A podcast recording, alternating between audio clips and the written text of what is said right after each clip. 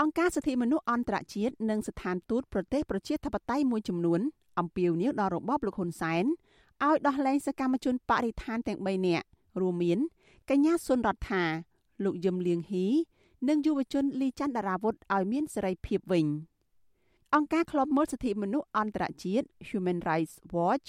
ចេញសេចក្តីថ្លែងការណ៍នៅថ្ងៃទី22ខែមិថុនាដោយថ្កោលទោសការចាប់ខ្លួននេះអង្គការអន្តរជាតិមួយនេះ ទាមទារឲ្យរបបលោកហ៊ុនសែនទម្លាក់ចោលបទចោទប្រកាន់ដែលគ្មានមូលដ្ឋានលើសកម្មជនទាំងនោះនិងដោះលែងពួកគេឲ្យមានសេរីភាពវិញជាបន្ទាន់នាយករងទទួលបន្ទុកកិច្ចការតំបន់អាស៊ីនៃអង្គការ Human Rights Watch លោក Phil Robertson គូបញ្ជាក់នៅក្នុងសេចក្តីថ្លែងការណ៍ថារដ្ឋាភិបាលលោកហ៊ុនសែនបានបង្កើនយុទ្ធនាការបំបិតសម្លេងសកម្មជនដែលតស៊ូមតិដោយអហិង្សាដើម្បីការពារបរិស្ថាន លោកបន្តទៀតថារដ្ឋាភិបាលបរទេសក្រុមការងារអង្គការសហប្រជាជាតិនិងដៃគូអភិវឌ្ឍទាំងឡាយត្រូវតែទាមទារឲ្យអាជ្ញាធរកម្ពុជាទម្លាក់ចោលបទចោទប្រកាន់ដ៏ខុសឆ្គងនេះហើយត្រូវតែចេញមុខថ្កោលទោសជាសាធារណៈចំពោះការបង្ក្រាបរបស់អាជ្ញាធរកម្ពុជា ទៅលើសកម្មភាពអហិង្សាដទៃទៀតស្រដៀងគ្នានេះអង្គការលើកលែងទោសអន្តរជាតិ Amnesty International ក៏ចេញសេចក្តីថ្លែងការណ៍ថ្កោលទោសករណីចាប់ខ្លួននេះដែរ អង្គការលើកលែងទោសអន្តរជាតិបញ្ជាក់នៅក្នុងសេចក្តីថ្លែងការណ៍ថាភាពធ្ងន់ធ្ងរនៃការចោទប្រកាន់នេះបង្ហាញពីការកើនឡើងយ៉ាងខ្លាំងនៅវិធីសាស្ត្របង្ក្រាបរបស់អាជ្ញាធរកម្ពុជា ប្រឆាំងអ្នកការពារបរិស្ថាន និងសម្លេងរិះគន់ម្យ៉ាងវិញទៀតម្ដងហើយម្ដងទៀតរដ្ឋាភិបាលលោកហ៊ុនសែនបានចាត់ទុកអ្នករិះគន់ខ្លួន ថាជាក្រុមអ៊ូទៀមជាអ្នករួមគំនិតក្បត់ព្រមទាំងបានលាបពណ៌សកម្មភាពអហិង្សាទៅជាបទល្មើសឧក្រិដ្ឋទៅវិញ អង្គការលើកលែងទោសអន្តរជាតិថ្លែងទៀតថាការចោទប្រកាន់ដ៏អាក្រក់ហួសហេតុនេះគឺជាការប៉ុនប៉ងឥតលាក់លៀមរបស់អាជ្ញាធរកម្ពុជាដើម្បីបំបិតមាត់និងបំផិតបំភ័យមិនត្រឹមតែចលនាមេដាធម្មជាតិប៉ុណ្ណោះទេប៉ុន្តែថែមទាំងយុវជនខ្មែរចំនួនក្រោយទាំងមូលដែលហ៊ានក្រោកឈរឡើងដើម្បីបុព្វហេតុសិទ្ធិមនុស្សនិងយុត្តិធម៌ផ្នែកបរិស្ថានថែមទៀតផង អង្គការអន្តរជាតិដដែលនេះទាមទារឲ្យអាជ្ញាធរកម្ពុជា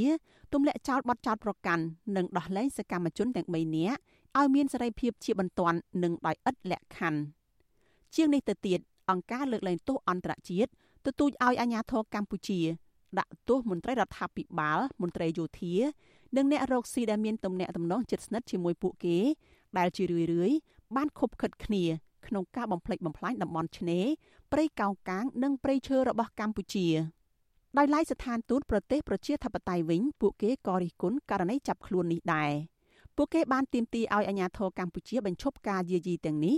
និងងាកទៅលើកទឹកចិត្តយុវជន ដែលចូលរួមការពារបរិស្ថានវិញឯកអគ្គរដ្ឋទូតសហរដ្ឋអាមេរិកប្រចាំកម្ពុជាលោក Patrick Murphy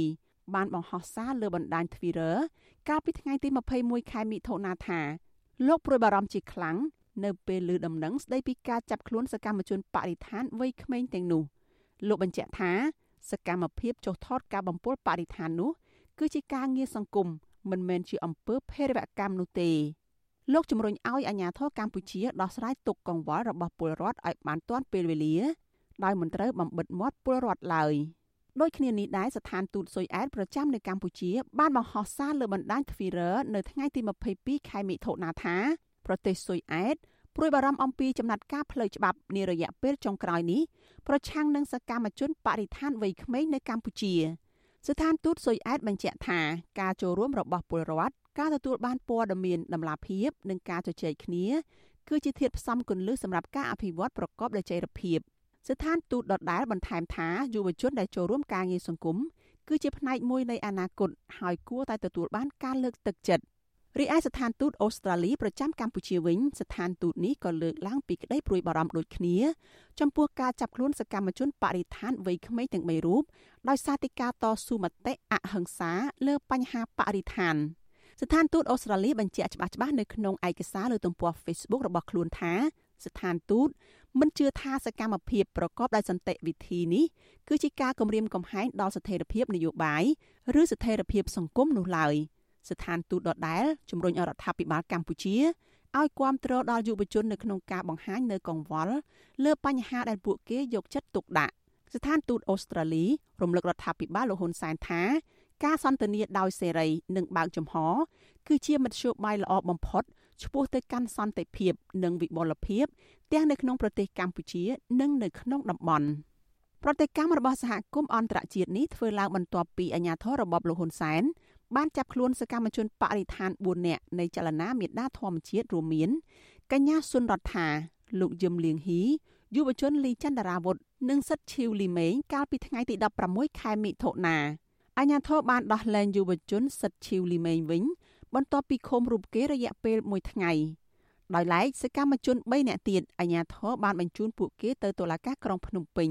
តុលាការបានចោទប្រកាន់កញ្ញាសុនរដ្ឋានិងលោកយឹមលៀងហ៊ីចំនួន2បទល្មើសគឺបទប្រមាថព្រះមហាក្សត្រនិងរួមគំនិតក្បត់រីឯយុវជនលីចន្ទរាវុធត្រូវតុលាការចោទប្រកាន់មួយបទល្មើសគឺបទរួមគំនិតក្បត់បទប្រមាថព្រះមហាក្សត្រប្រឈមនឹងទោសជាប់ពន្ធនាគារពី1ឆ្នាំទៅដល់5ឆ្នាំខណៈបទរួមគំនិតក្បត់វិញ ជាប់ពន្ធនាគារចន្លោះពី5ទៅ10ឆ្នាំ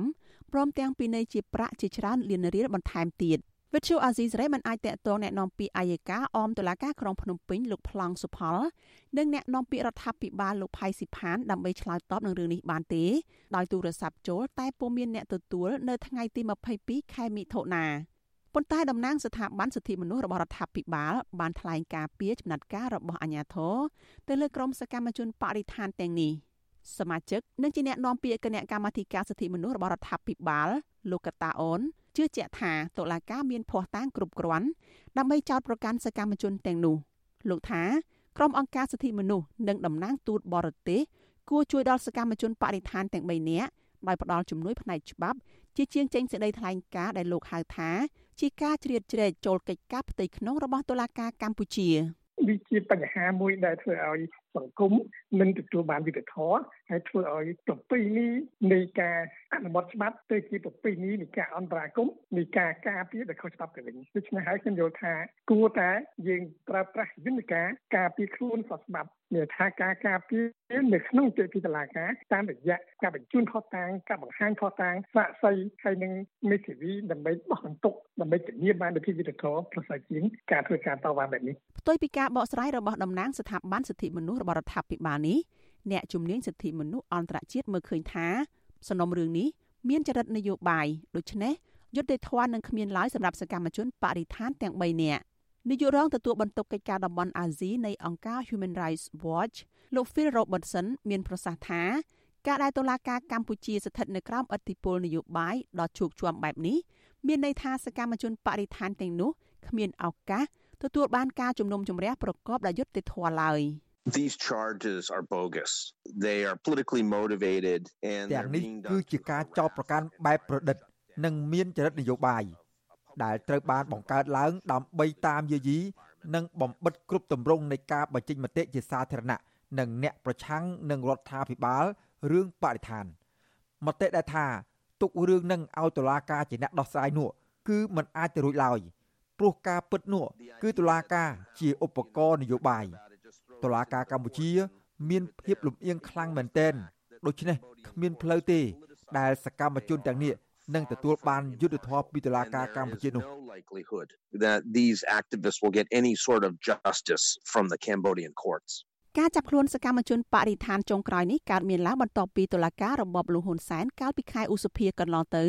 បានផ្ដន្ទាទោសសហការីរបស់ពួកគេ3នាក់រួមមានលោកថនរដ្ឋាកញ្ញាឡុងគុន្ធា និងកញ្ញាភួនកែវរស្មីឲ្យជាប់ពន្ធនាគារពី18ទៅ20ខែពីបទញុះញង់ ឲ្យមានភាពវឹកវរធ្ងន់ធ្ងរដល់សន្តិសុខសង្គមគិតមកដល់ចុងខែមិថុនានេះសកម្មជនមេដាធម្មជាតិទាំង3នាក់បានជាប់ឃុំក្នុងពន្ធនាគារអស់រយៈពេលជិត1ឆ្នាំមកហើយចំណែកស្ថាបនិកចលនាមេដាធម្មជាតិជនជាតិអេស្ប៉ាញលោក Alejandro Gonzalez Davidson ដែលត្រូវអាជ្ញាធររបបលោកហ៊ុនសែនចោទថាជាអ្នកនៅពីក្រោយក្រុមយុវជនទាំងនោះវិញលោកបានជាប់ចោទទាំងពីរសំណុំរឿងនេះ ក្នុងសំណុំរឿងជាមួយនឹងសកម្មជនបរិស្ថាន3នាក់កាលពីលើកមុនតុលាការបានផ្តន្ទាទោសលោកកំបាំងមុខឲ្យជាប់ពន្ធនាគារ20ខែពីបទសំគំនិតក្នុងអំពើញុះញង់ចំណែកសំណុំរឿងចុងក្រោយនេះវិញតុលាការបានចោទលោកចំនួន2បទល្មើសដោយសកម្មជនដែរ